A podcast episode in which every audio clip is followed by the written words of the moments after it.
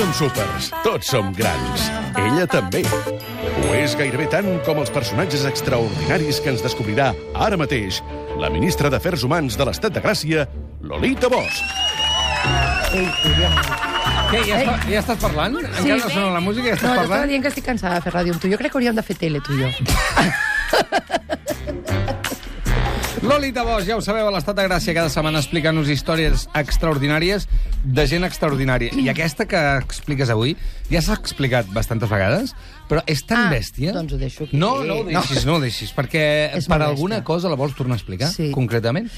Estem parlant dels supervivents dels Andes, Dels de Andes. l'accident del vol 571 de la Fuerza Aèria Uruguai, ja ho sabeu, de la pel·lícula Viven, vaja. Exacte, la Els que van Viven. sobreviure i es van menjar els uns als altres. És al·lucinant, la història d'aquesta És gent. increïble. És increïble. És increïble la història d'aquesta gent perquè... A mi, bueno, primera, a mi l'Uruguai sempre m'ha agradat molt. És un país que admiro molt i és el país... Estàs dient que expliques aquesta història perquè parlar Uruguai d'Uruguai. t'agrada sí. molt? Sí? Parlo de 16 uruguais, que uruguaiesos, uruguaians, uruguaians, Uruguaians. que van um, sobreviure, però no, a Uruguai m'agrada molt. És un país, ara t'ho dic, t'ho dic en sèrio, jo és el país on aniria a viure si me n'hagués d'anar ara d'aquí, Sí? que jo què sé, que Però si, escolta'm, que no si un ets tan- 155, que si un... Que si Però si est- on no estaràs millor que a casa? Això ho deia la meva àvia. Però és un país al·lucinant. Hi ha molt bon rotllo, hi ha dos milions d'habitants, és un país molt civilitzat, tio. Um, és un país molt collonut, la veritat, eh? És un país que jo li tinc... I mira que li tenim, tenim poca referència Cap, d'Uruguai, eh? perquè de- cap. Et diuen Argentina, bum, et venen coses. Et diuen Cap. Brasil, et venen coses. Et diu Uruguai, És que són dos milions. I no saps ben bé què és et més ve. petit que la zona metropolitana de Barna. O sigui, és, és molt petit. No Ja. saps ben bé què et ve, no? Et ve el Pepe Mújica. Sí, ara, ara avui sí, dia ve el Pepe ara el Mújica, Mújica, i ja però està. poca cosa més. Res més. I van Penses- tenir una dictadura terrible, desapareguts, tot això. Mm. Però és un país molt, molt, molt obert de coco. Seria Ahà. el que era... Home, per tenir Mujica de, Mujica de president, sí, sí. dius, home, Seria el que d'haver era una bona Holanda per, per Europa fa uns anys, diguéssim. Sí. Això, això era el que, ser- el que seria Uruguai. Però, a més, en el context latinoamericà és, és sorprenent. Uh, hi ha moltes coses que no funcionen i tal, no sé què, però jo, per exemple, vaig anar el dia que es legalitzava la droga a Uruguai, bueno, la, la marihuana. base. Mhm. No vaig anar a això, estava allà el, el dia que es legalitzava. Bueno, entre azul i buenas noches, que diuen a Mèxic. Clar. No, no vaig anar a això, la veritat. Però va, va, vaig anar el dia que es legalitzava la marihuana. Hòstia, hi havia irreconeixible Amèrica Latina, diguéssim. Un bon rotllo, una tranquil·litat, una sensació de... Hòstia, de civisme, tio, molt, molt, molt Potser sorprenent. també ara és una bajanada o una teoria molt peregrina. Poble petit, poble petit. No, això t'anava a dir. La, la, els països petits potser serien una mica el futur de la civilització. Jo de dir, espero que sí, perquè són pobles. entre, entre, clar, clar, fan de entre poble. poca gent, això, perquè si no... Clar, dos, dos milions és molt poca gent. I fan una mica com de, de poble, no? I aleshores tenen aquesta sensació de poble, que aquí també la tenim. Ara, ara s'ha destapat mm. molt amb el procés i tal, però nosaltres tenim la sensació, que és molt maca i a més ens fa sentir molt a gust, de formar part d'un poble, i això és, és molt agradable. Això, el, el Mújica, precisament, va dir um, això de que els nacionalismes són una barbaritat i tal, a Uruguai sabem que és mentida. Estimar-te al teu poble no és una barbaritat. I ho diu el Mújica, que és un tio molt d'esquerres i molt sentit comú. El nacionalisme, com s'ha entès a Europa i tal, potser pot semblar una barbaritat, però voler formar part d'una comunitat... Mm, Fantàstic. Sense Doncs excloure escolta'm, ningú. Lolita, eh, Uruguai. parlar molt bé de l'Uruguai, check. Ja ho tenim, això, Això eh? ho tenim, no? Sí, jo, Sí, això vale. ja, ja ho superem. Bueno, l'altre ho explicaré ràpid. El, no, va espera, posa música, va.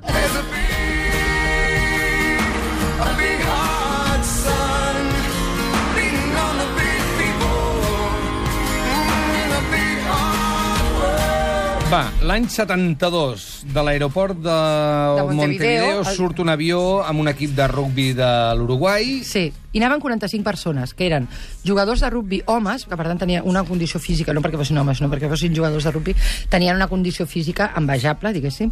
Alguns amics i, i alguna parella, molt poques dones d'ells, eren, eren uns tios molt joves, algun parent i la tripulació. vale? I aleshores, um, el que a Uruguai es diu la tragèdia i el milagro de los Andes és que van caure o sigui, l'avió es va estavellar a 4.000 metres d'alçada. Sí. 4.000 metres d'alçada és una salvatjada. Jo, no sé si heu estat, diguéssim, és molt difícil, però pràcticament no es pot respirar. Jo he estat a 3.400, al Cusco, és el més alt que he estat a la meva Sí. vida, al Perú, i quan arribes et dona el soroche, que és aquest mal d'alçada, i et donen te de coca. O sigui, mm, jo vaig dir, no, no, jo cocaïna no. Bueno, sí. Natural no, por favor, vaig dir jo. No, vaig dir, no, no, jo cocaïna ¿Tiene no. gluten? Si tiene gluten, no. Exacte. Jo cocaïna sin lactosa, por favor. No. Tiene de soja. Et donen, et donen coca i la, un te, vale? que és molt graciós, perquè a més es diu la marca NASA que jo dic, hòstia, coca, nas en català, és Clar, tot una clar, mica clar, forçat. clar, clar. Però bueno, total, et donen un te de coca, que és una cosa molt, és molt bona de prendre, a més és Sí. legal i es pot tal, i ho notes, et dona, et dona el que necessites per estar a 3.400 metres d'alçada, que és molt bèstia. Pensa que aquesta gent vivia a Montevideo, que és una ciutat en mar, i van...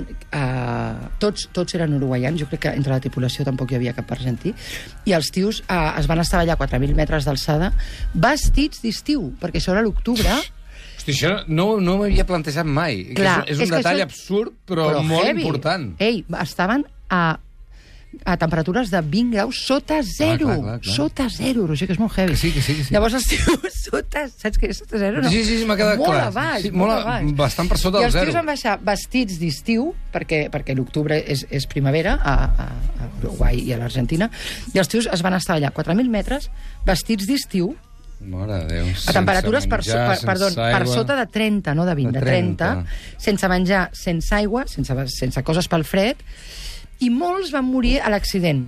No, no, no tants, però molts van morir a l'accident. És curiós que no moressin més de, de, no moressin més, de fet.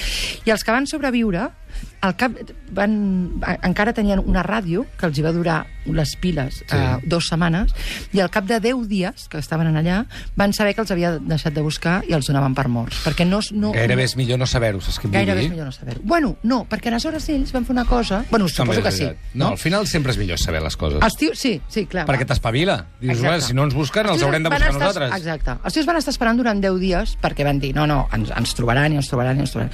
Però llavors la gent els va donar per morts, perquè van dir, és impossible que hagin sobreviscut a 4.007, 4.000 metres, roba d'estiu, no tenen aigua, no tenen menjar, no tenen res, perquè el vol de, de, de Buenos Aires a Montevideo, que jo l'he fet, són dues hores, no, no, l'avió no porta menjar, o sigui, porta i menys als, als anys 70, és un vol molt, una hora i mitja o dos, molt impressionant, es veuen tots els Andes i quan voles sempre, es, sempre penses, hòstia, aquesta ai, gent ai, va ai, sobreviure ai, ai, clar, aquí. clar, clar. No?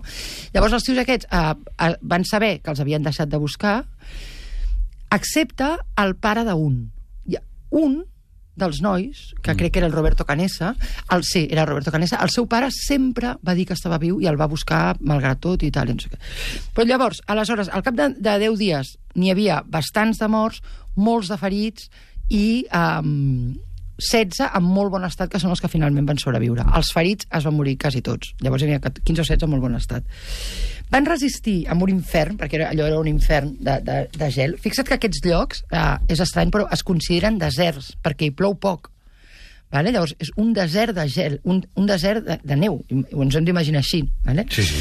Uh, 72 dies van estar van, van, van, van ser capaços de sobreviure i dos d'ells Aquesta història és al·lucinant. És al·lucinant, Quan decideixen... Primer comencen tres, perquè vam tenir un dels supervivents que ens ho va explicar. Comencen Sí, tres a pujar exacte. muntanya amunt de dir... per fer "Nois, l'assaig, però no se n'anaven encara. Ah, va venir un? No, el vam tenir per telèfon, Ah, el vam tenir des d'un estudi. Primer tres van dir uh, ho intentarem per veure què hi ha al darrere d'aquella muntanya que veiem des de, des. I de quan la- van arribar dalt de tot, un d'ells va dir jo no, jo no continuo, me'n vaig cap a baix i torno amb els de l'avió. Sí. I els altres dos van decidir continuar. Sí, però van tornar una primera vegada. I llavors van tornar a Mhm, marxar, mhm. vale? perquè van, van veure... I a més després s'ha sabut que van anar cap a la direcció equivocada, com si diguéssim, perquè en no ho direcció, sabia. en direcció contrària hi havia, hi havia gent més a prop No que en la fotis. direcció en la que anaven. Sí. Això no ho hi havia un refugi o alguna cosa. Això ho Pobra vam veure Basca. després. Pobra Basca. Llavors van pujar al cim de la muntanya, del, del turonet, diguéssim, que tenien a davant d'on... Bueno, primer es van fer, que això és una cosa molt... Bueno, després ho explico perquè a, a mi el que em sap greu d'aquesta història sempre és que el recordem com caníbals, no? A mi el canibalisme és una cosa que em fa un fàstic... És una de les coses que em fa més fàstic del món, diguéssim, així com objecte... Mm. Molt...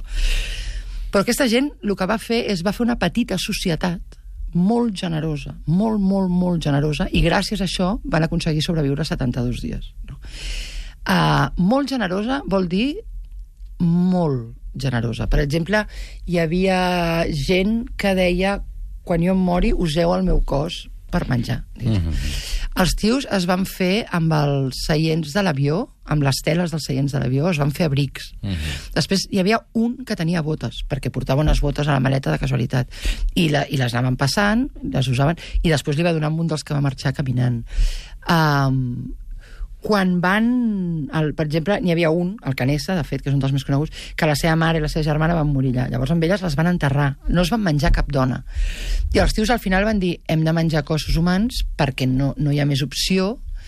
I el que van fer és allunyar-los molt, molt, molt de l'avió.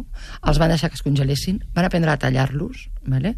Bàsicament, i ho dic sense cap morbo, perquè el morbo que- d'aquesta història em repugna bastant, però es veu que el lòbul i les natges és el que és més fàcil. Això ho recordo de la pel·lícula Les Natges. Exacte. I aleshores, eh, quan els altres van, van aprendre a recollir aigua de les pluges, que no és tan fàcil, van aprendre a, a cuinar amb l'ala de l'avió perquè la, la carn que menjaven, diguéssim, era congelada. O sigui, els tios van fer una cosa que es va dir la Societat de la Nieve, ¿vale? i la Societat de la Nieve va ser des de l'inici, perquè també eren un equip. Com que eren un equip de rugby, ja funcionaven així. ¿vale? Llavors, a la Societat de la Nieve, el que va ser molt al·lucinant, diguéssim, és com es van organitzar vale? i què els va passar quan van tornar a l'Uruguai. I el que, el, com es van organitzar és... A cadascú li van assignar unes, unes responsabilitats, però tenien que entendre d'origen que les seves responsabilitats implicaven el benestar de tot el grup. Vale? Um, callo? És la monda. Puja, puja. no? És que estava pensant Ah. que eh, tenia ganes de llegir això també perquè hi ha moments que quan eh, penses en aquesta història sempre penses en com menjaven, com sobrevivien... Sobretot en com menjaven. Però després la, hi ha moltes hores mortes que també feien no res, simplement parlaven, comentaven la jugada. Sí. Hi ha un moment aquí que explica, diu, de tardecita, además de hablar de comida y restaurantes, que dius, Parlaven en una situació dramàtica et, et, tens molts moments de, de normalitat. Clar. Diu, rezábamos el rosario y era un buen momento de tranquilidad. Lo que sí recuerdo es que Roberto Canessa tenía el mejor título para la- lo Para que el- terminaría siendo Viven. Era Tal vez mañana, en alusión a esa esperanza que teníamos de que nos vengan a buscar. Y cuando le preguntan, ¿en verdad pensabas que te ibas a salvar? Contesta, siempre pensamos en salir. Mira, para que veas el optimismo, hay una foto que estoy fuera del avión sin camisa. Estaba tomando el sol para llegar bien. A punta de lista.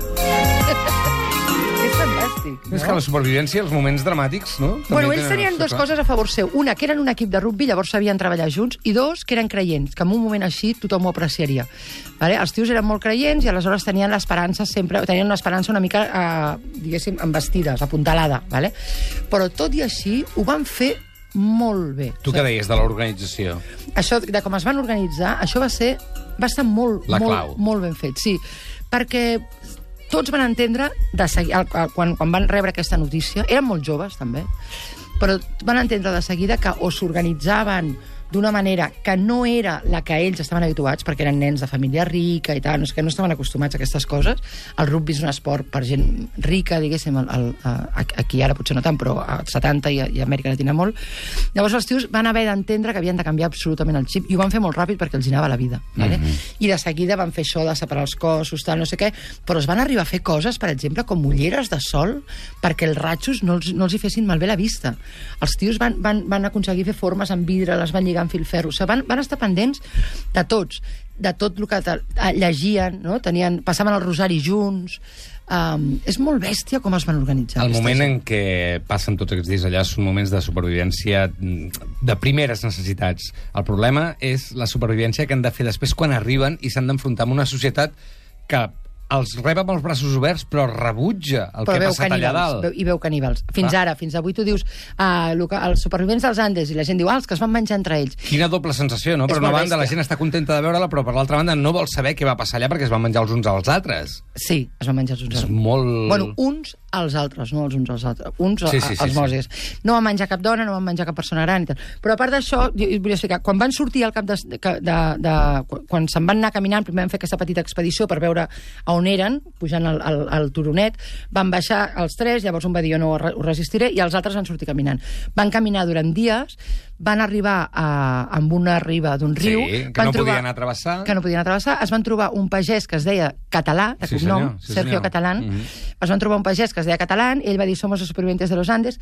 Van venir uns helicòpters de, de, rescat, de Això rescat em va semblar al·lucinant. i ells van guiar Sí, sí, de... sí. És Això ho explicava el Roberto Canessa tio. aquí a l'Estat de Gràcia. Diu, quan vaig baixar allà baix, em van dir, sube al helicòptero que anem a buscar-los. I va dir, jo? Clar, era que acabo de ser supervivent d'un accident d'avió, ara he de pujar amb helicòpter, de veritat? És fort, és em fort. vull morir. Sí, és molt fort, és molt fort.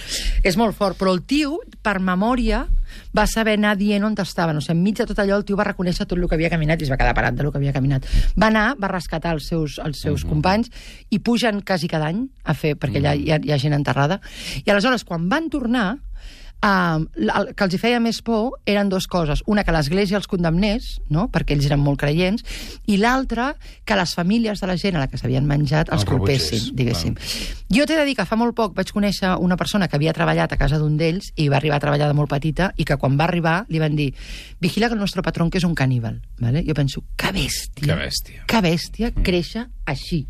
No? Que bèstia uh, créixer sent la persona que has menjat a una altra persona i, i que ho has dit públicament. Però les famílies els hi van, com que eren molt catòliques, ho van considerar com donar el cos, el cos de Crist. Mm -hmm. Llavors, els hi van agrair uh, molt, van fer un museu a la gent que s'havia mort, els hi van agrair que el seu cos hagués salvat els seus i tal, i després van fer un homenatge als 16 que havien sobreviscut.